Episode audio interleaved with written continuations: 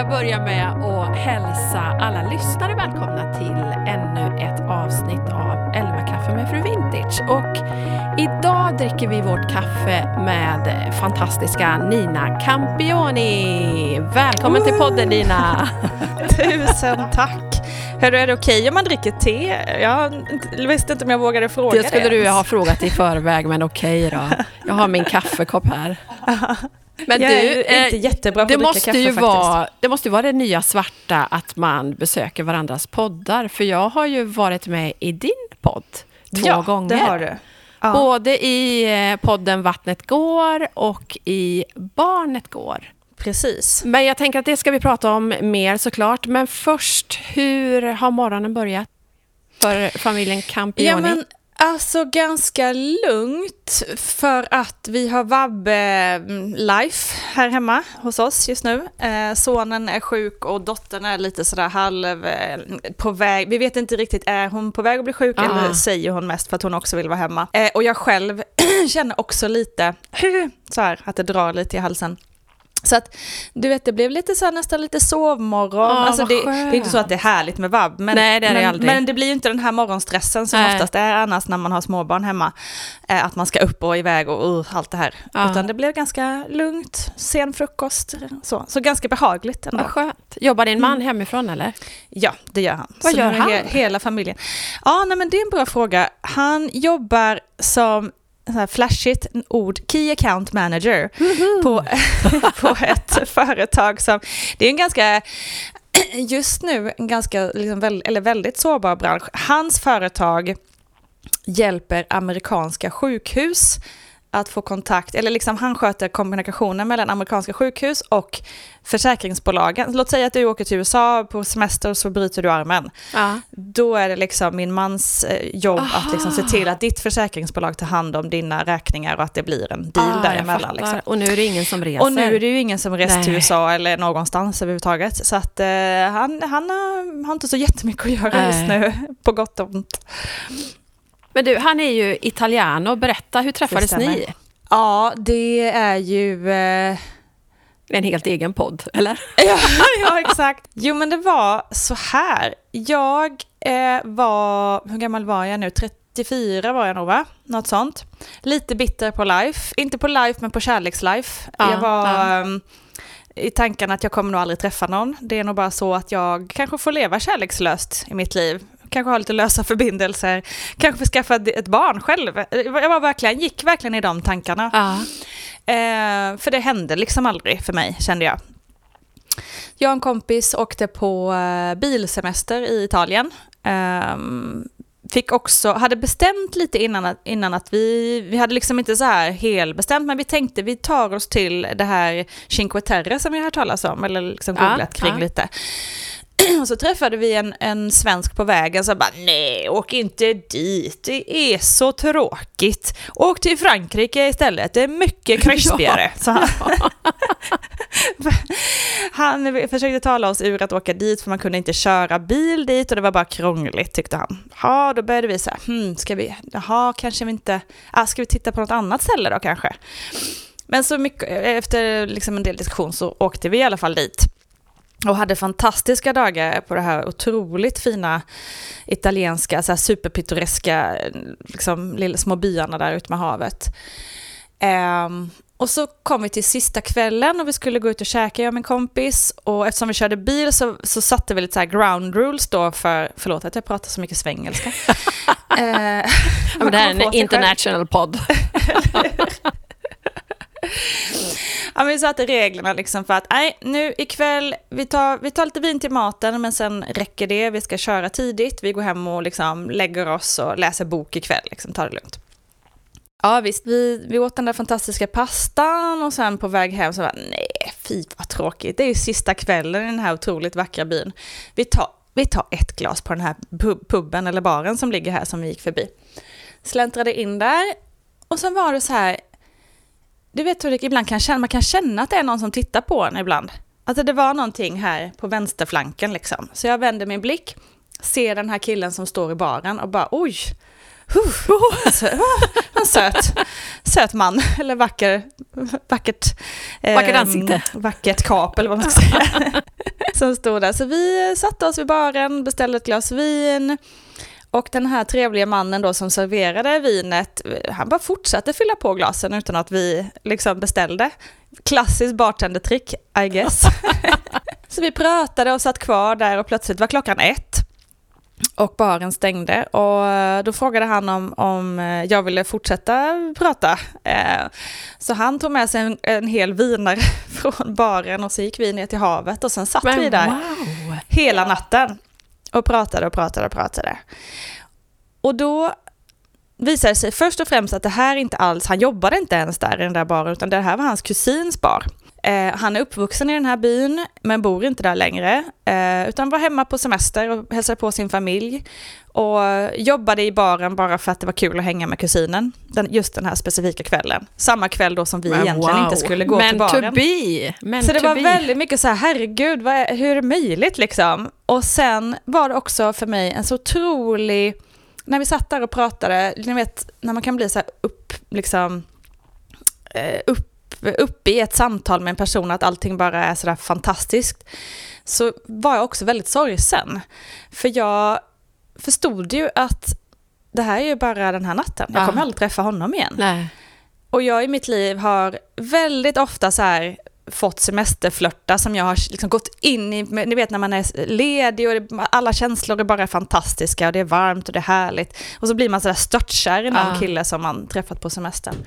Och sen så rinner det ju ut i sanden för man bor i helt andra världsdelar. Eh, och så här kände jag med honom, jag, bara, jag, vill inte, jag vill verkligen inte att det här ska vara det här. men kände du att det var något annorlunda än de andra semesterflörtarna du hade haft? Ja, men jag kände att jag blev ledsen att jag förutsåg det liksom, för innan hade det mer varit så här, ja, ja, det, det får bli som det blir. Här var det mycket mer starkt, men jag vill verkligen inte det här. Jag vill inte att det här ska vara sista gången vi ses. Och sen var det också så sjukt att när han skulle sen följa mig eh, gentlemannamässigt hem till hotellet så visade det sig att jag bodde på det hotellet som hans mamma jobbade på. så jag träffade ju henne till frukost sen dagen efter. så det var, var ju... Eh, det var många saker som, kändes, som gjorde att det kändes lite extra. Ja. Eh, och sen, men sen var det tack vare honom att han verkligen var liksom, nej, nu, eh, om du vill så bokar jag en biljett upp till Stockholm. Eh, och så kommer jag och så får vi se hur det känns. Eh, och det var två veckor senare, efter att vi hade kommit hem från resan, så kom han upp, bara över liksom ett dygn, så här liksom, jag är, liksom, jag är inte redo att släppa det här, så, och jag kände bara, ja, det kom du, tack, ja, ja jättebra. Men hur kändes det då när han kom? Nej, men det var ju också helt otroligt. Det var, det var, det var färdigt där det var färdigt. Han fick följa med på ett, barn, eh, ett barnkalas, för det var bokat sen innan, och ett 30-årskalas, för det var också bokat sen innan. Så han fick ju träffa hela min liksom, extended familj ja. eh, första gången han kom till Stockholm, alla mina nära vänner. Och sen frågade han om han fick vara min pojkvän. Eh, och så var det klart. Men wow! Så att det var... Hur många år sedan är det här då? Ja. Nu är ju det då, det här var 2012. Um, ja, snart tio år sedan. Ni, ja, precis. Mm. Två barn senare. Ja, två barn senare. För det var ju, det var ju också så här, det gick ju väldigt fort då också. Vi träffades i augusti.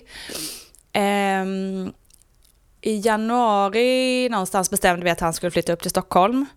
Och i juni följa, eh, friade han. Och i juli var jag gravid. Så det var... Oj! så det gick ju verkligen absurt fort. Um, och det var väl bara så att vi båda var liksom, det kändes bara 100% rätt och ah. vi var båda redo att gå in i liksom, den fasen i livet. och då flyttade liksom. han till Sverige direkt? Ja, då flyttade han. Precis. Så att, eh, ja, det gick raketfart när det väl hände. Men du, um hur, hur mycket med, har ni märkt av skillnaden i kultur? Alltså i era olika kulturer, är det någon skillnad? Ja, det är det ju. Alltså det är både i stort och smått. Nu, han får jag ändå säga är ganska, han är väldigt italiensk på många sätt, men väldigt oitaliensk på många andra, eller en modern italienare kan man väl säga. Eh, han är ju liksom 100% för jämställdhet. Och ja, men för det var det jag tänkte fråga, ja. för, för, i en av poddarna som jag tror att det var Barnet Går, när vi poddade, så pratade vi om eh, manligt och kvinnligt och jämställdhet. Och, det. Så det var en fråga. Och liksom, för min säkert eh, förutfattade mening är att Italien till viss mån är kvar liksom med gamla stereotyper och... Ja, det är det absolut. Jättemycket. Och det är ju en av anledningarna till att vi eh, kanske valt att inte bo där med barn just. Eh, för att man vill inte riktigt att de ska liksom leva upp, liksom växa upp i den otroligt patriarkala system som det fortfarande finns kvar där. Um, sen är det absolut så att liksom Simones generation och de liksom personer som ändå är eh, vad ska man säga, men det är det här klassiska, ha utbildning och liksom mm. lite så, har ju ändå kommit en lång väg. Det, det är liksom som Simone då, min man, här är det ju 100% jämställdhet. Eh, på, skulle jag säga att det är klart att det felar från, från olika liksom, små saker sådär ibland. Men, men på det stora hela absolut eh, delar vi lika på allt. Eh, och vi värderar varandras jobb lika viktigt och så vidare. Eh, men det finns ju fortfarande jättestora, liksom, det är fortfarande så att tjejer inte riktigt spelar fotboll till exempel. Ja, Bara en sån det. sak, det är ju ah. liksom, herregud, det är ju 50-talet. Um, det är, det är verkligen så. Killar spelar fotboll, tjejer kan spela volleyboll och dansar, går på gymnastik. Um, det är absolut så att killar hörs mer än flickor och liksom får ta friheter på ett helt annat sätt. Um, samtycke vet jag inte om de har någon koll på till exempel. Uh, så, och det är fortfarande så att, uh, alltså, det kanske inte, jo, jo, alltså det här med manligt överhuvud i familjen och så. Um, I min mans familj ser man ju det jättetydligt, att det är liksom pappan då som är han, eh, han kommer hem när maten är serverad och så blir han serverad en tallrik och sen tar, liksom, sitter han tills någon plockar undan hans tallrik och sen går han och sätter på tvn och så städas det och fixas och donas runt omkring honom. Eh, väldigt uppassad. Vill du ha en kaffe? Liksom. det är väl fint, man kan väl fixa kaffe till varandra men då är det fint om någon, han fixar tillbaka någon ja, gång. Eh, nej men men liksom de yngre familjerna har det väl jämnat ut lite sådär. Men det är absolut fortfarande så att, eh, att även i de yngre familjerna så finns det ett visst mått av att mannen kanske är lite mer för mer. Att kvinnan är... Kvinnan har ju inte heller lika stora möjligheter att liksom eh, jobba eh, på samma sätt. Det, liksom, barnomsorgen funkar inte riktigt likadant som det gör här, även om det faktiskt närmar sig. Och det är faktiskt så att även pappan har eh, föräldradagar och så vidare. Så att eh, lite händer det ju där hela tiden. Ja, ja. Men, jag, men jag tänker att dels då att bli gravida så snabbt i en ny relation. Eh, jag menar, småbarnsåren är ju väldigt utmanande för en parrelation. Även om man liksom har hängt ihop länge. Och, och hur mm. har ni dealat med det? Eller hur har det varit? Alltså jag måste säga att jag tror att att vi båda liksom verkligen längtade efter familj eh, i det läget vi var i. Ni var så redo? Eh, ja, vi var verkligen redo. Så att för relationen kan jag nog tycka att det bara stärkt oss. Att vi bara blivit än mer av ett team än vi var innan när barnen kom. Um, sen finns det ju absolut liksom så här man kan se tillbaka om att så här klassiskt man önskar att man hade hunnit göra det här tillsammans innan ja, barnen kom och så vidare.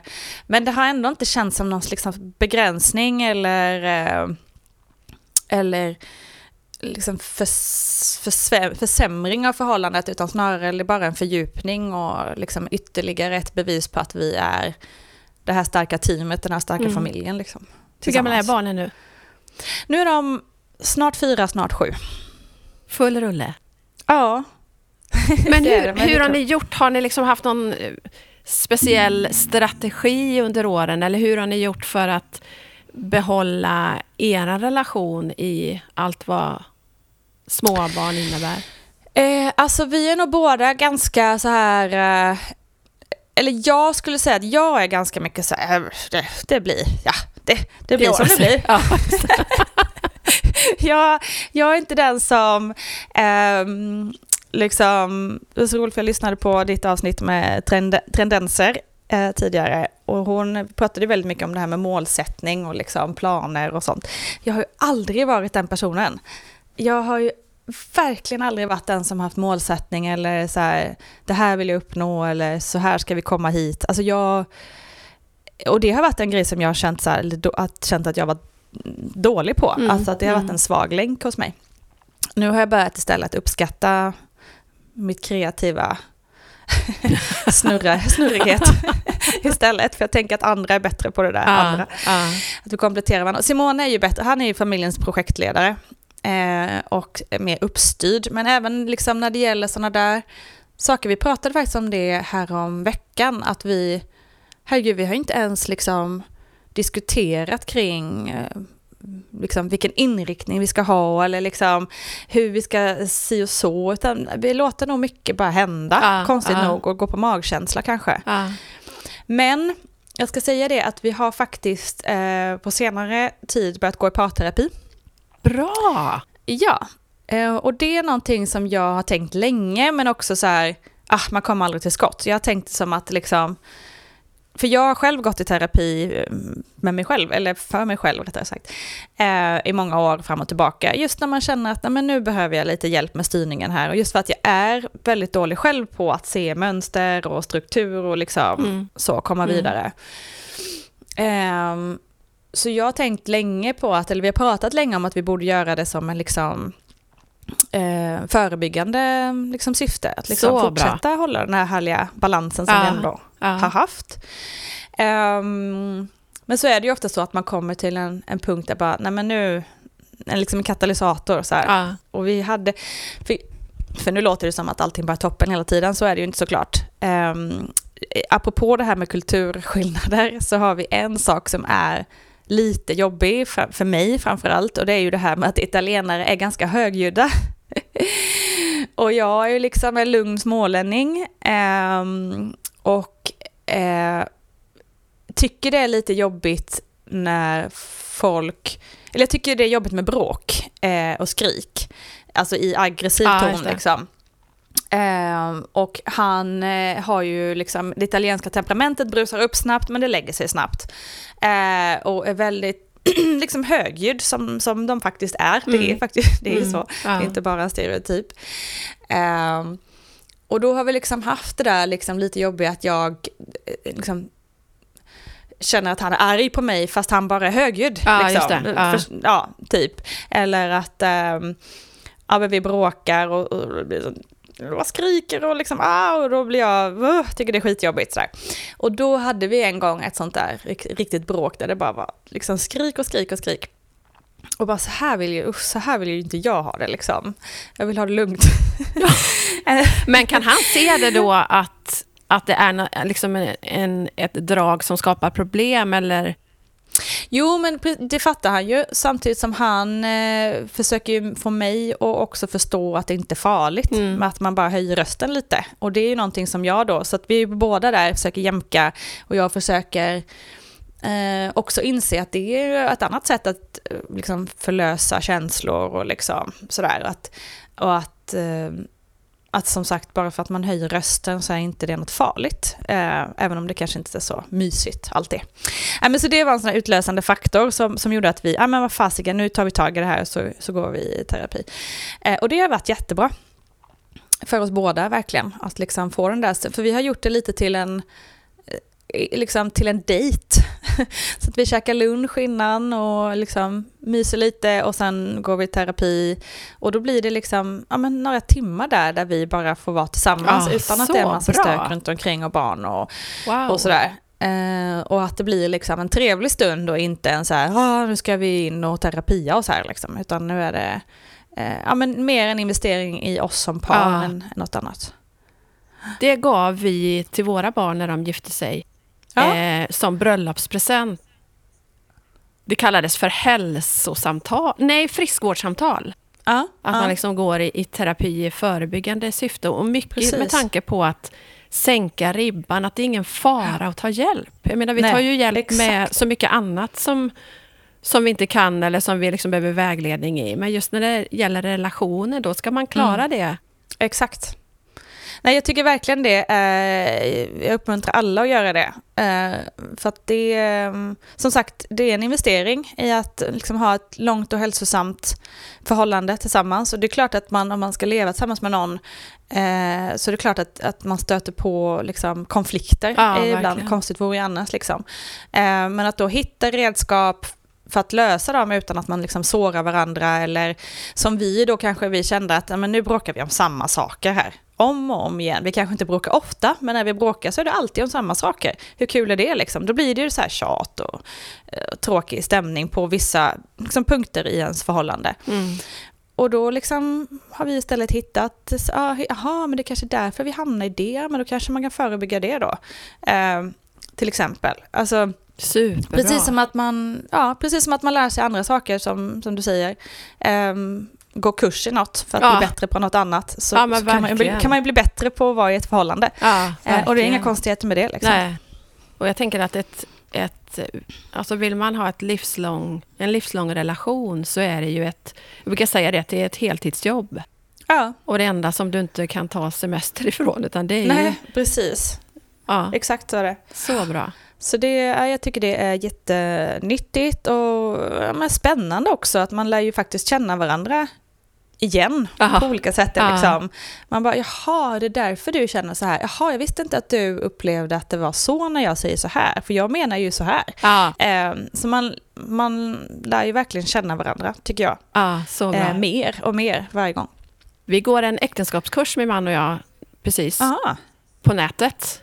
Vi firade ju per, pärlbröllop förra året. Eh, Då Ja. hade vi varit gifta i 30 år. Och man tycker Ja. att äh, men vi känner varandra, vi kan det här. Men det har varit så nyttigt och så intressant. ja, Man kan aldrig lära sig för mycket. Nej, precis, för det är ju också så att man utvecklas ju som, som människa hela tiden, man Ja. förändras. Så det är inte så konstigt att den som man lever med också förändras och får liksom förändrade känslor om olika saker eller insikter om olika saker. ja Eh, verkligen.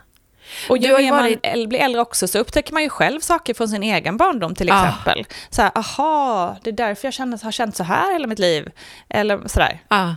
Så det En av frågorna som var, eh, för vi går den på nätet då på måndagar, då var den eh, i måndags då så pratade man bland annat om vad ens bakgrund, ens uppväxt, alltså vad man har med sig i bagaget och Mm.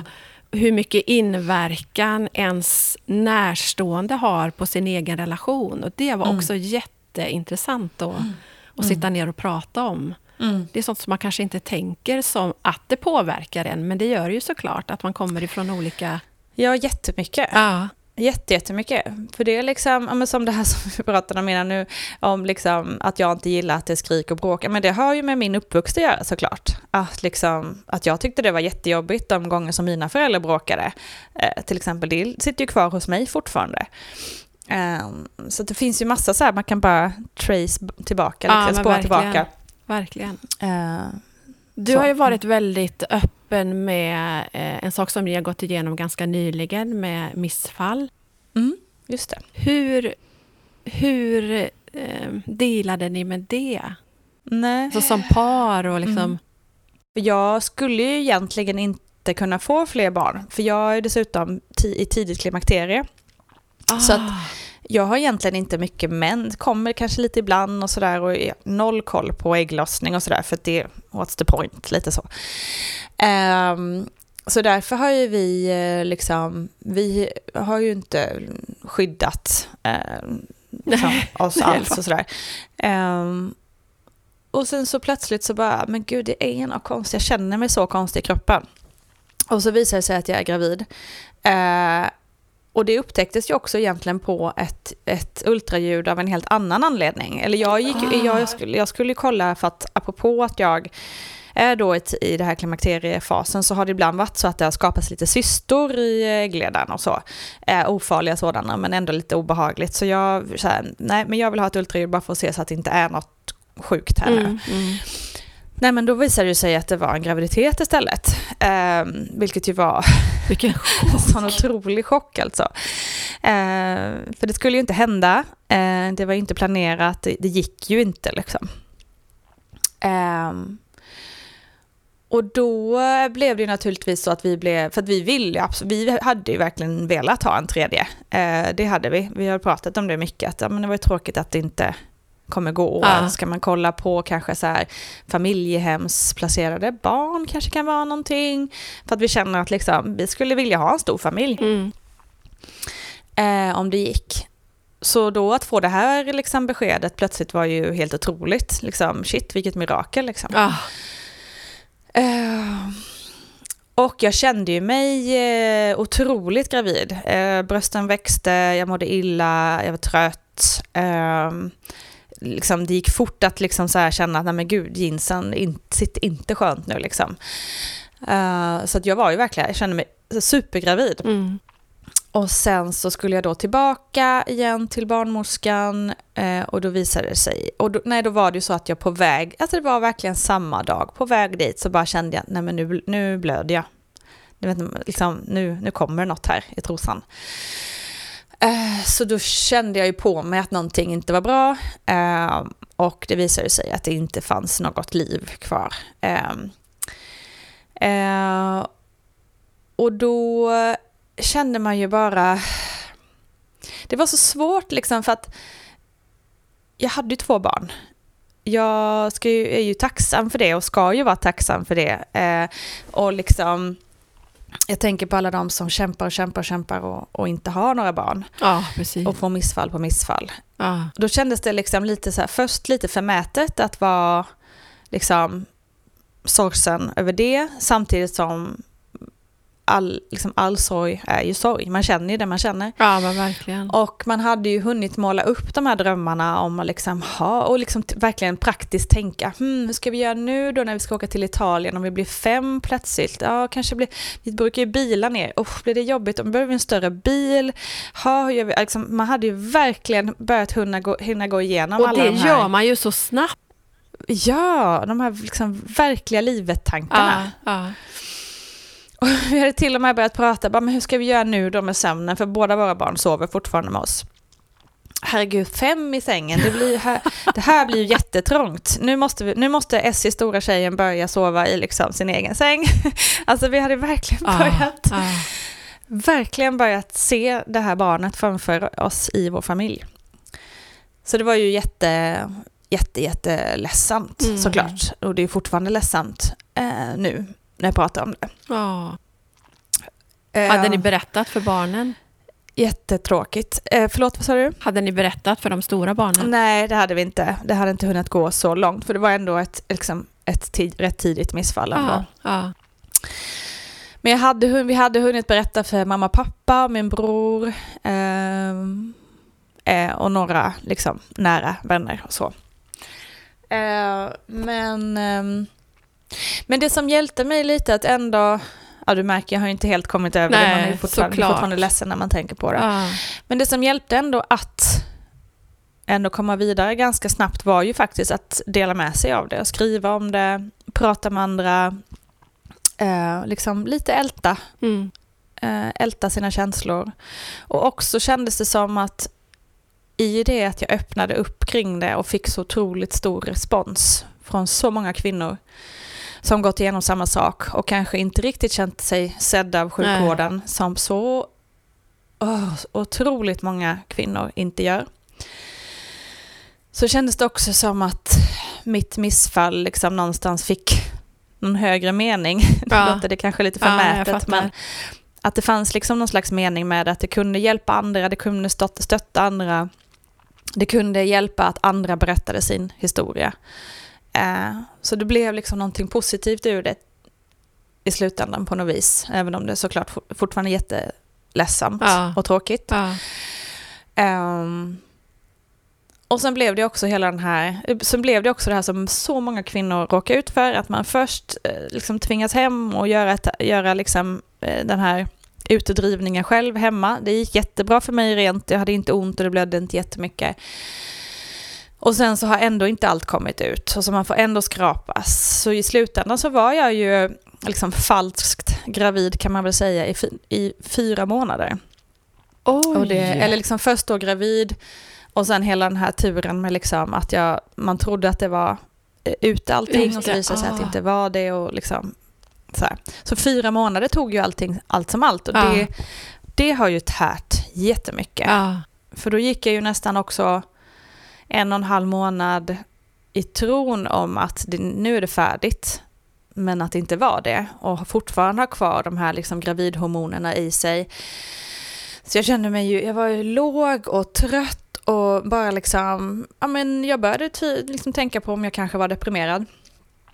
Eh, för jag var jättekänslig och liksom tog åt mig av allt och minsta lilla sne, liksom, ah, du vet, jag kunde börja gråta av att man tog ut en tallrik och så var den smutsig. Alltså på den nivån. Du vet när man bara, jag orkar inte mer. liksom den.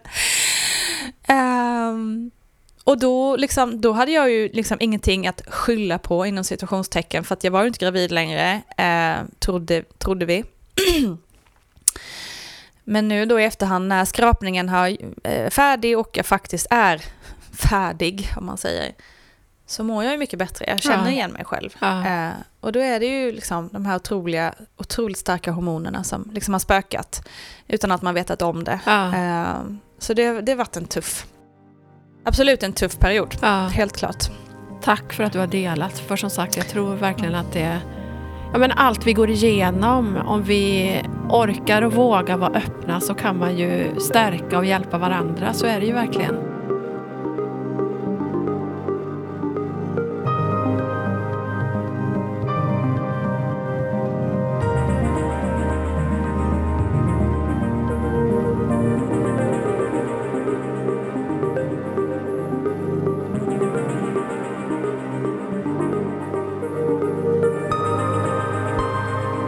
Det för mig ju osökt in på dina fantastiska poddar. Vattnet går, som är en graviditets och förlossningspodd och sen Barnet går som handlar om när barnet har kommit ut. Hur kom det här sig att du startade de här poddarna överhuvudtaget? Ja, men det var ju utifrån, från början helt själviskt kan man säga. För jag eh, hade själv gått igenom en förlossning. Och kände ett otroligt behov av att bara så här diskutera det här. För att jag kände att det, herregud, det är ingen, det var ingen som berättade att det var så här fruktansvärt jobbigt och hemskt att föda barn. Herregud, liksom. Ah. Jag var så skakig och ja, men mådde väl inte helt hundra, hade lite problem med anknytningen och det var jobbigt. Mm. Eh, och jag kände liksom behov att men, lyssna på andra berättelser och få berätta min egen samtidigt. Alltså liksom den här dialogen som kvinnor kan ha sinsemellan. Eh, och då, där och då gick jag ju också många barnvagnspromenader och det var lite så här, det var precis när poddarna hade slagit liksom. Nu hade de kommit så nu kunde man lyssna på poddar och gå en sväng och så. Ah. Och jag letade och letade men hittade ju ingen podd eh, som bara handlade om förlossningar, graviditet, kvinnokroppen, allt där. Eh, så då, då gjorde jag en själv. så enkelt är det. Som man ju gör. ja. ja, men det var lite så. Jag, hade, eh, jag, var, jag är ju journalist sen innan och liksom har jobbat, eh, då hade jag också jobbat på Aftonbladet i många år. Vi hade precis börjat liksom, start, göra egna poddar på Aftonbladet. Jag hade ju redan börjat jobba lite med det här mediet. Liksom. Ehm, så det var inte så att jag bara pang från ingenstans eh, så. Eh, utan jag hade lite koll på hur det funkar. Mm. Eh, men eh, ja, så, så enkelt på ett sätt var det. Eh, och jag hade turen också att få med mig, liksom, för tan min tanke var ju redan från början att det skulle vara liksom en blandning mellan både kända kvinnor och sen liksom minikända som jag kallar dem för, för mm. de är inte okända kvinnor, de är eh, kända av många andra, mm. bara inte hela Sverige. Att det skulle vara en mix liksom. Eh, men det är ju lite så för att liksom nå igenom bruset så behöver man ju såklart kanske något affischnamn ah, eller ah. så till en början. Så då fick jag eh, shoutout här till Ebba von Sydow eh, som en av mina, eller som den första gästen faktiskt. Ah, eh, och det gjorde ju såklart mycket såklart. att eh, många snappade upp att hennes namn var någonstans här och då ville man liksom lyssna. Så att jag gjorde, det var väl lite taktiskt då att jag också hade ett gäng lite kända eh, kvinnor i början Ja. och sen kunde man liksom mer gå in i att nu är det kvinnliga historier oavsett eh, kändisskap eller ej. Eh, som det har utvecklats till. Hur många år har du kört? Alltså nu är det ju, kan det vara, sex, det är ju absolut sex år och några månader kanske. Ah, fantastiskt. Så det är rätt många Ja, men förlossningsberättelser. kära någon. Och så Ja. otroligt viktigt och bra. Ja men det är kul och det är det som, det är det som har blivit så fantastiskt med podden att eh, även om det började ur ett ganska liksom själviskt eh, liksom, initiativ att jag själv kände behovet av en sån här podd så har det ju utvecklats till att bli eh, ja, men en politisk och en feministisk eh, podd. Mm. eh, är det att det är kvinnans berättelse rakt igenom som får höras. Eh, vi tar upp viktiga ämnen som rör kvinnokroppen och kvinnohälsan. Eh, vi liksom tillsammans kan vi också kritisera sjukvården, kanske vi kan kritisera politiska beslut i, liksom, i berättelserna, det behöver, utan att det blir liksom, nu ska vi diskutera det här, Ja, utan just att det. det blir en känslomässig anknytning till liksom, problem som samhällets uppbyggnad skapar åt oss i onödan. Ja. Eh, och så liksom vikten av att vi pratar om just kvinnokroppen, kvinnans liksom, sånt som tidigare varit shameat och ska gömmas. Eh, nu lägger vi upp allt på bordet, liksom, vätskor och allt. Eh, Så för bra. att det är viktigt. Ja. Ehm, och det är ju min största drivkraft nu, att liksom driva vidare podden. Och att man hela tiden får respons från kvinnorna, att liksom podden hjälper dem och stärker dem. Det var det jag tänkte Eh. fråga. Kan du se nu efter alla år om det finns något speciellt ämne som, som engagerar eller som... Ja, alltså det är ju, eller både och. Jag har faktiskt fått väldigt mycket respons från på avsnitt där allting bara är, där allting bara funkar, där allting bara är positivt, eh, där det liksom är liksom glädjefyllt och det gick bara, förlossningen gick jättebra och allting gick jättebra, för det är liksom, det är ju också en sån här härlig glädjeinjektion i vardagen. Ehm, men annars är det ju väldigt mycket liksom IVF-berättelser, missfall, eh, sorgliga historier där kanske, mm, där kanske livet man hade hoppats på skulle komma inte gör det. Mm. Ehm, den typen av väldigt känslosamma avsnitt, det är ju absolut eh, sådana som skapar mycket liksom, reaktioner naturligtvis och känslor. Ehm, men, men precis lika mycket de här liksom stärkande berättelserna. Jag har ett avsnitt med en kvinna som heter Charlotte Sjöberg som är eh, rullstolsburen som eh, samma dag, var det nu? om det var samma dag som hon fick veta att hon var gravid så kör hennes pojkvän, då pappan till barnet, eh, motorcykel och dör i en olycka. Eh, och det var liksom så mycket, det är så mycket motgångar i hennes liv. Eh, och ändå så otroligt genompositiv människa som bara ser liksom ljusglimtarna i livet. Wow. Och det avsnittet har ju påverkat jättemånga. Ja, det har måste jag jag lyssna på. Ehm, just för att det är så stärk, Ja. stärkt ur, ur en positiv bemärkelse trots allt det sorgliga. Liksom. Wow. Så det är många, många fantastiska berättelser som man har fått ta del av. Helt klart.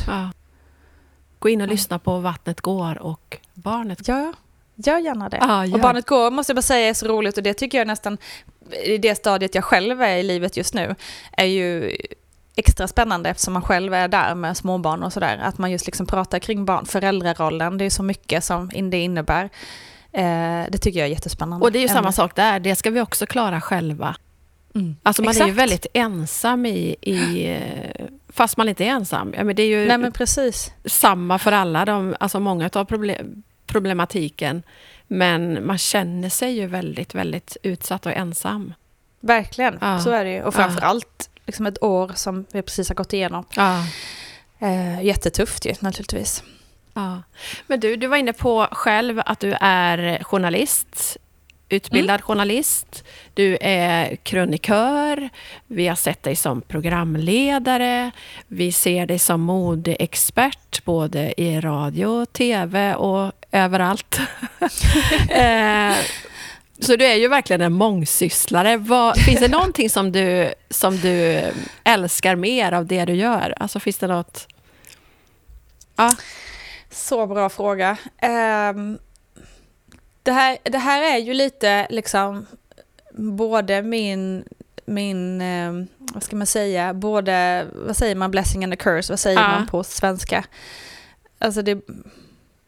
Gud vad säger jag? Vill du säga blessing and a curse? Ja, precis. Jag tror folk fattar. det, det står still för mig också. Nej men det är liksom både positivt i den bemärkelsen, liksom just det här att jag är en mångsysslare då som du säger. Um, det är positivt i det att jag liksom aldrig får en, liksom, en inrutad vardag. Eh, det är väldigt mycket olika saker hela tiden. Men det kan också vara negativt i att det blir ganska rörigt, saknad av struktur som vi pratade om tidigare. Eh, jag vet inte riktigt vilket ben jag ska stå på, vad vill jag, ja, när ska jag ja. veta vad jag vill i livet. Eh, det har ju varit en ständig följ, liksom, liksom, följeslagare till mig, ovälkommen sådan. att jag inte riktigt så här, ja, det här vill jag göra, nu springer vi på det här resten av liksom så. Det skulle jag känna ibland vore rätt skönt. Ja, ja just det, att, att veta. För att jag är verkligen så här, okej, okay, nu har jag jobbat med mode ett tag och det var ingenting som jag hade Nej, och hade hur kom du in på. på. det? Ja, det... Det undrar du också? Mm, eller? Fru Vintage, det undrar jag också. Nej, men det började med att jag efter journalistutbildningen jobbade på P3 eh, i eh, några år och eh, älskade det. Jättekul för att man får, jag jobbar bland annat med Morgonpasset. Eh, otroligt roligt liksom, att jobba med populärkultur och lite politik liksom, blandat. Eh, och kände liksom, kanske framförallt populärkulturen eh, var det som drog i mig mest. Eh, just tv, musik, film och också lite mode. Det fanns ju med men det var inte primärt liksom. Sen eh, fick jag anställning på Aftonbladet eh, och då efter ett tag så beslutades det att man skulle starta det här Sofies mode med Sofie Farman. Och då behövde man en digital redaktör som skulle ansvara för modesajten. Och det blev då jag, eh, av olika anledningar. Och det var ju skitkul, ja. för det var ju dels en ny satsning, något som aldrig hade liksom funnits i Sverige innan. Eh, det var precis när modebloggarna började komma. Det var, det var bara så roligt. Och det som var kul med mode då, allt, fortfarande, men som jag tyckte var ju också att det hängde så starkt ihop med både musikscenen och film och tv. Allt, det var ju liksom en smältdegel av allting. Så jag fick ju liksom på någonstans jobba med det jag ville, fast kanske mer fokus på mode då. Ja, just det. Så på så vis kom jag in i det och sen så jobbade jag med det liksom i sju år och blev modeexperten på Aftonbladet. ja, precis. Wow. Uh, och det var ju liksom jättekul. Men det kanske inte var det jag hade liksom utbildat mig för Nej. eller drömt om Nej. eller så. Um, för jag, jag gick ju egentligen medie och journalistutbildning för att jag ville bli sportjournalist. Jaha. Så det var ju verkligen skilda världar. Eh, men det, det, är liksom, det är mitt liv i ett nötskal kan man säga. Eh, för sen då så sa jag upp mig från Aftonbladet efter att jag hade fått Essie, min dotter. Och, bör, och satsade på att bygga eget. Och då blev, det, då blev det det här med Vattnet går. Och det blev, jag började jobba för L. Och vad gjorde jag mer? Ja men lite allt möjligt, mycket digitala, liksom, lite projekt, liksom, mm, vad heter det när man konsultar? Ja, mm. projektkonsult, konsultprojekt, där. ja. Lite olika uppdrag ja, här och där. Ja. Eh, och sen blev det liksom mer och mer podden, mer och mer bloggen, så att här liksom lite utan min kontroll blev det igen återigen, jag hänvisar till tendenser som bara så här, hade bra koll på vad hon ville göra och så här. Jag bara, ja, ja. det här. Okay. Nu blev det så här. ja, men liksom allting bara... Bloggen då utvecklades ju, för då hamnade den på L. Och blev ju allt mer liksom mode-connectad. Ja, liksom. ja. L är ju verkligen, herregud, det är ju liksom mo verkligen mode. Eh, och sen samtidigt utvecklades podden och blev större och större och då blev det mycket familj och liksom kvinnosaksfrågor. Och, så det var ju verkligen två ben plötsligt. Eh, och nu har det ju utvecklats till att det det blir övervägande liksom familj och, och den typen. För nu, krönikorna på Aftonbladet handlar också om familj och relationer och det. Och jag har flyttat min blogg från L till Motherhood, eh, vilket ju också är ett tydligt steg Ja, i en annan det. riktning. Ja, ja. Så, nu är, så nu har jag plötsligt liksom hamnat, eller plötsligt, det har ju såklart varit medvetna val på många sätt också, men ehm, nu är det ju mer liksom familjeorienterat och sådär, vilket känns ju naturligt i den position jag är i livet just nu. Och nu då har jag börjat drömma om att göra trädgårdsprojekt. ja! För jag kan ju inte bara sitta här och jobba med liksom, en Du sak behöver mer jobb, alltså. Jag måste ju ha massa andra grejer på gång också. Ehm, så det är det jag menar med liksom blessing and a curse, att det är så här blessing på det viset att det är kul, det händer hela tiden nya saker och jag liksom eh, alltid på språng någonstans. Men också lite curse för att jag menar hur, hur ska man hinna med allt? Ja, Och det, hur, och hur ska allt bli bra? ja. liksom, ibland kanske det är bättre att bara fokusera på två saker istället för 15. Liksom. Om det var spännande. Så att, ja, jag vet inte om det är spännande eller om det bara är tokeri. Ibland kan jag bara känna, men herregud Nina, kan du inte bara ta ett djupt andetag och bara liksom fokusera? Men det är väl lite så ehm, jag är. Men det är i alla fall podden och bloggen som är dina stora Ja, ben precis. just nu. Eh, om man ska prata konkret. Ja, ja. Då är det podden absolut eh, och bloggen. Det är det som tar mest tid och det som är liksom mest, om man säger, inkomstbringande, om man ska säga. Eh, ja, På tal om bloggen så skulle jag vilja läsa ehm, ett blogginlägg som du gjorde för ett par, tre år sedan som heter Oj, spännande. Tänk om det var din dotter. Ja, Kommer Mm. du ihåg? jag vet vad du pratar om. Så här. Föreställ dig att du har en dotter. Du kanske redan har en. Tänk dig in i följande scenario. Din dotter fyller åtta år, du har själv blivit könsstympad, vet hur det känns, vet hur vidrigt det är, hur det har förstört för din kropp, ditt sexliv och gjort att ditt underliv blivit förstört när du födde din egen dotter. Du vill inte skada henne. Du vill att hon ska slippa undan. Din mamma har också blivit könsstympad. Hon är gammal nu. Hon har glömt hur det var. Tycker att traditionen är viktig. Heder är viktigt. Men du vill inte. Vad ska grannarna säga? Din dotter kommer bli mobbad och utstött. Dessutom kommer ingen man vilja gifta sig med henne. Det kommer inte att gå bra. Tänk dig att hela samhället är emot dig och din dotter. Din lilla dotter som inte ska behöva bli kvinna på många, många år än. Och absolut inte genom en brutal ritual som skadar henne. Vad gör du? Kanske står du ändå emot och säger nej. Kanske ger du vika. Men du kanske ändå säger nej. För ingen får röra din dotter. Till slut accepterar äldstemor i familjen ditt och din dotters val. Det är ju ändå olagligt. Vi låter henne vara. Du andas ut. Tills en natt. Det är mörkt. Du hör röster. De kommer för att ta henne. Din dotter. Hon ska omskäras vare sig du vill eller inte. Du kan inget göra. De tar henne och lämnar tillbaka henne på morgonen. Stympad, bruten, misshandlad. Det här känner jag är svårt att läsa. Ehm, det här skrev ju du under en resa tillsammans med Läkarmissionen i Kenya. Precis. Eh, otroligt stark berättelse och ett otroligt arbete. Vi ska prata mer om just den här händelsen, men vad var det som gjorde att du började, eller fick kontakt med Läkarmissionen och har engagerat dig där? Det började för eh, flera år sedan. Sa du att det var tre år sedan? Jag tror att detta var tre år sedan vi var 2018. Ja. Åh, Jösses vad tiden, Tiden går. går. Eh, det började väl något år, två, kanske till och med tre år innan dess. Eh, som jag tillsammans med Läkarmissionen under en internationella flickadagen, eller på flickadagen, hade ett event eh, med Alltså Vattnet går tillsammans med Läkarmissionen. Eh, och då pratade, eller var det på kvinnodagen kanske?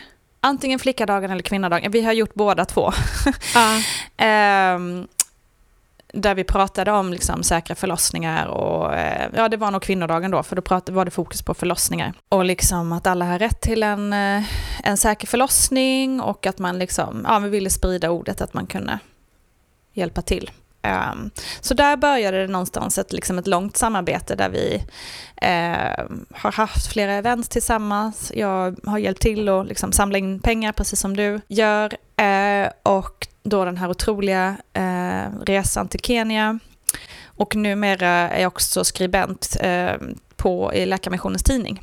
Ja, så roligt. Eh, Svenska ja, journalen. Så Ja. det känns, det känns så, så bra. Jag, Läkarmissionen, jag tycker så fantastiskt mycket om dem. Också, både det de gör men också människorna som jobbar eh, på Läkarmissionen. Och jag gillar att det liksom är ett...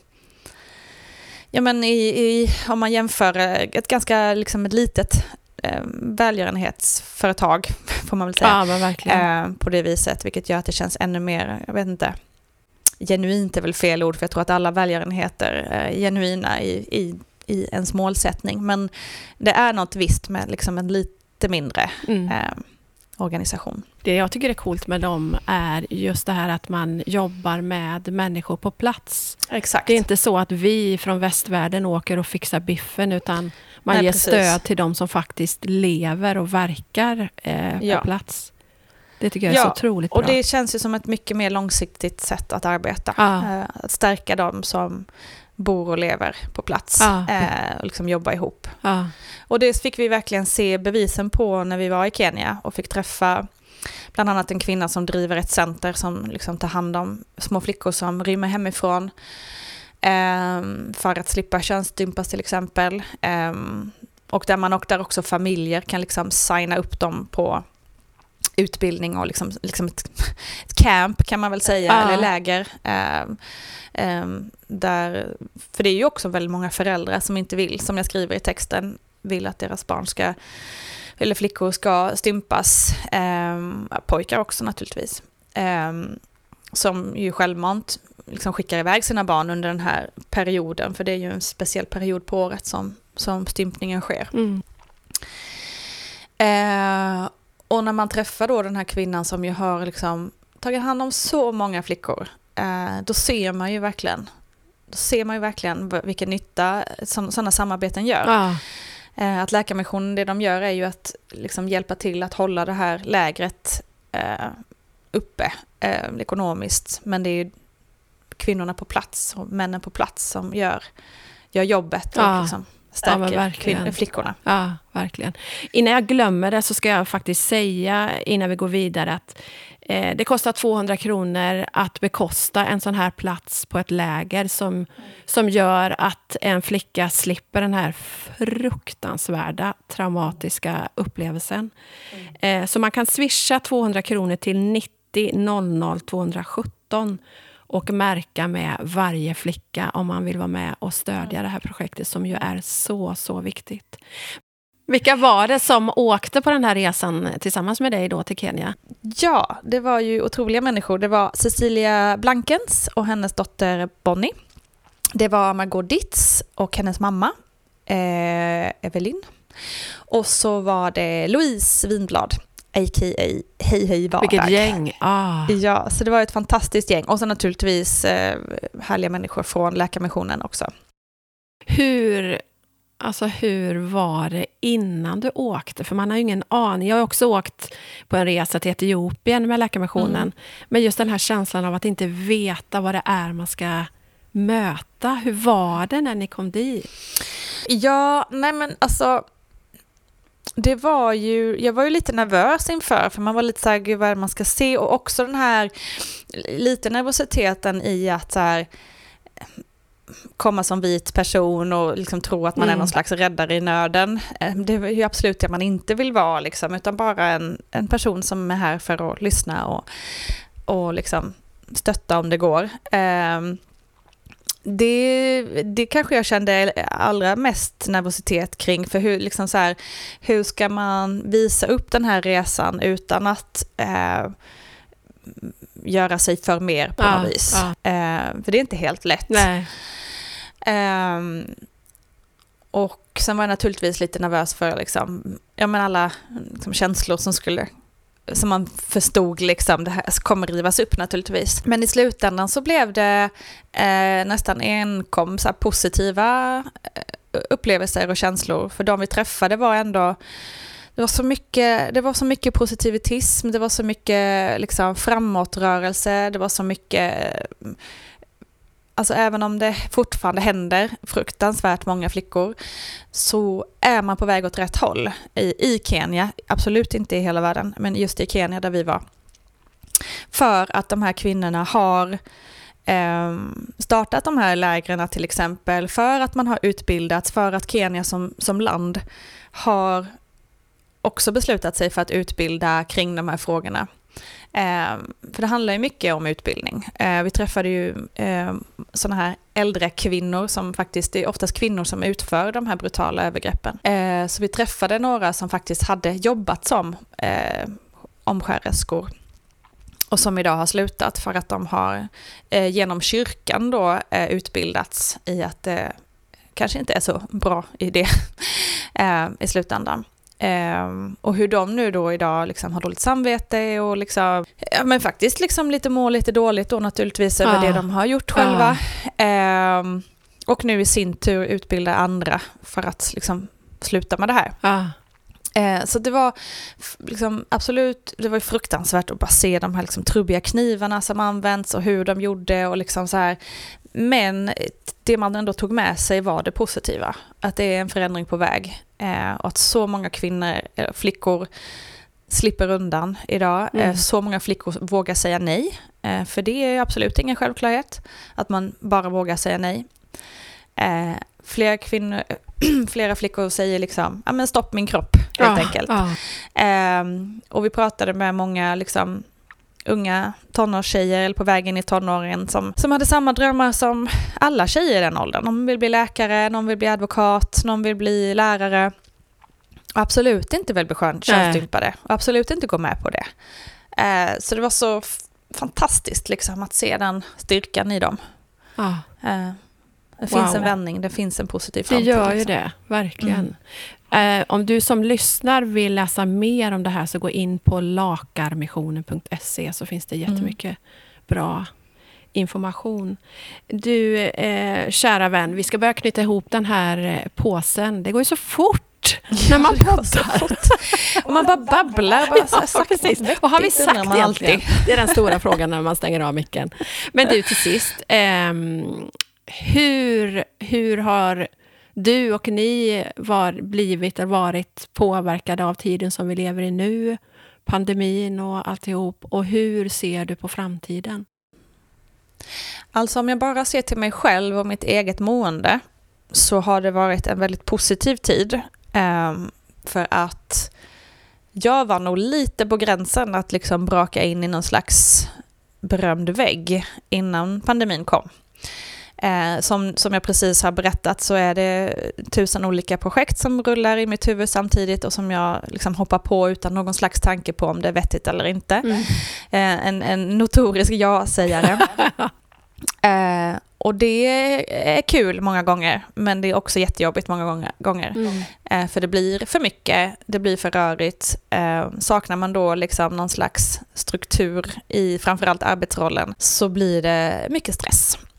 Och jag har liksom kört på i ett jättetempo från det att jag utbildade mig och fick mitt första jobb tills pandemin utbröt. Jag har liksom inte ens tagit riktig paus när jag har fått barn. Um, inte riktigt liksom paus, absolut dragit ner lite, men ändå mm. jobbat mm. lite hela tiden. Och jag fick liksom någon slags uh, aha-upplevelse på det nu under det här året. Att jag blev så himla trött. Fastän tempot var lägre än det någonsin har varit så blev jag så trött. Jag kunde liksom, jag behövde bara sova, gick och la mig tidigt, vaknade ändå trött. Kände ingen liksom energi någonstans, kände inte riktigt att något var särskilt kul. Tidiga tecken på att det har varit för mycket, mm. helt klart. Mm. Eh, så för mig har det absolut varit positivt ur den vinkeln att jag förstått för första gången att det här är os- ohälsosamt tempo. Eh, och nu är det liksom bara någon slags eh, projekt i mitt huvud att eh, hur ska jag inte hamna där igen? Jag tänkte precis säga det, hur tar du det? Ja. När vi är igång igen, liksom, vad tar du med dig? Ja. Ja men det är väl, jag har satt upp några mål och det är för, li- för, för året och det är att tacka nej till en sak varje dag. Ehm, både i det stora och det lilla. Ehm, och det har ju varit enkelt so far för det finns inte så mycket att tacka nej till just nu. Inte så många frågor överhuvudtaget. men framåt så blir det en utmaning helt klart. Mm. Ehm, och också fokusera på, vi, många pratar ju om det mentala och med meditation och sådär. Och jag har försökt, försökt köra med, eh, meditation, har inte riktigt liksom fattat eller lyckats än. Jag ska inte ge upp. Men däremot har jag hittat en annan typ av outlet som jag tror ger lite samma sak och det är paddel. Eh, den här supertrend Den berömda pandemipaddeln. Eh, men det har liksom gjort eh, att när jag spelar paddel, då är jag där. Jag tänker inte på något annat. Nej. Jag är bara där och efteråt känner jag mig så energifylld. Så jag tror att det liksom fyller lite samma funktion Ja. som meditationen någonstans gör. Att man bara får vara i nuet och bara i sin kropp. Eh, så det är ju en sån sak som jag kommer liksom fortsätta försöka få in så ofta jag kan för välmåendet, både det fysiska och det mentala samtidigt då ju. Liksom en stress release på något Mm, vis. mm. Ehm, så det är väl de två sakerna främst som jag tror jag behöver fortsätta eh, liksom prioritera. Eh, säga nej, spela paddel. Bra koncept. Det tar vi med oss. för livet. Men du ser det på framtiden? Man tänker på framtiden. Ja, det går ju lite hand i hand med det här att jag hela tiden ska ha så sjukt mycket grejer på, på min agenda. Men jag vill ju någonstans hitta... Min dröm, mitt drömscenario är att jag ska kunna fortsätta skriva. Eh, jag älskar att skriva. Kan skriva böcker. Eh, på våran terrass i Italien. Och kanske Ja. pensionera sig lite sakta. Kom igen. Ja. Ta mig med. Nej, men det är väl det stora målet, att man liksom ska kunna ha någon slags eh, härlig pension i Italien och fortsätta skriva. Eh, det är det långsiktiga målet. Ja. Sen inom de närmsta, inom det närmsta året, då har jag fortfarande, då, då vill jag då vill jag skri, då vill jag skrivit min första bok. Alltså Ja. skönlitterär bok. Kom Jag har igen. skrivit en fackbok tidigare, Vattnet går. Eh, men det har ju legat på min lista så länge och det är en sån här klassisk grej som hela tiden ligger i mitt bakhuvud. Men jag får liksom inte, jag, kan, jag prioriterar inte den. Trots att det egentligen är den jag vill prioritera och Mm. borde. Mm. Men den hamnar alltid sist i kön. Ehm, så där tänker jag försöka jobba med mitt... eh, det är väl mest liksom att hitta någon slags struktur för att få plats med det också. Men du har en massa något som inte ger så mycket energi. Du har en massa lyssnare nu som kommer att vänta på den där boken, så det är bara att sätta igång. Ja, precis. Sätter upp bara, ja men det kommer en bok 2022, var redo. Så bara, Ja. Ja, kom igen, kom igen. Ja, men det är rätt. Men du, Nina, tusen, tusen tack för det här samtalet. Tack snälla för att jag fick vara med hos dig trots att jag inte dricker kaffe. Ja, precis. Det visste jag faktiskt inte i förväg, så att, hmm, kanske inte då, men nej, jag skojar. Tusen tack och tack till alla er som har lyssnat. Hej då! Tack så mycket, hej då.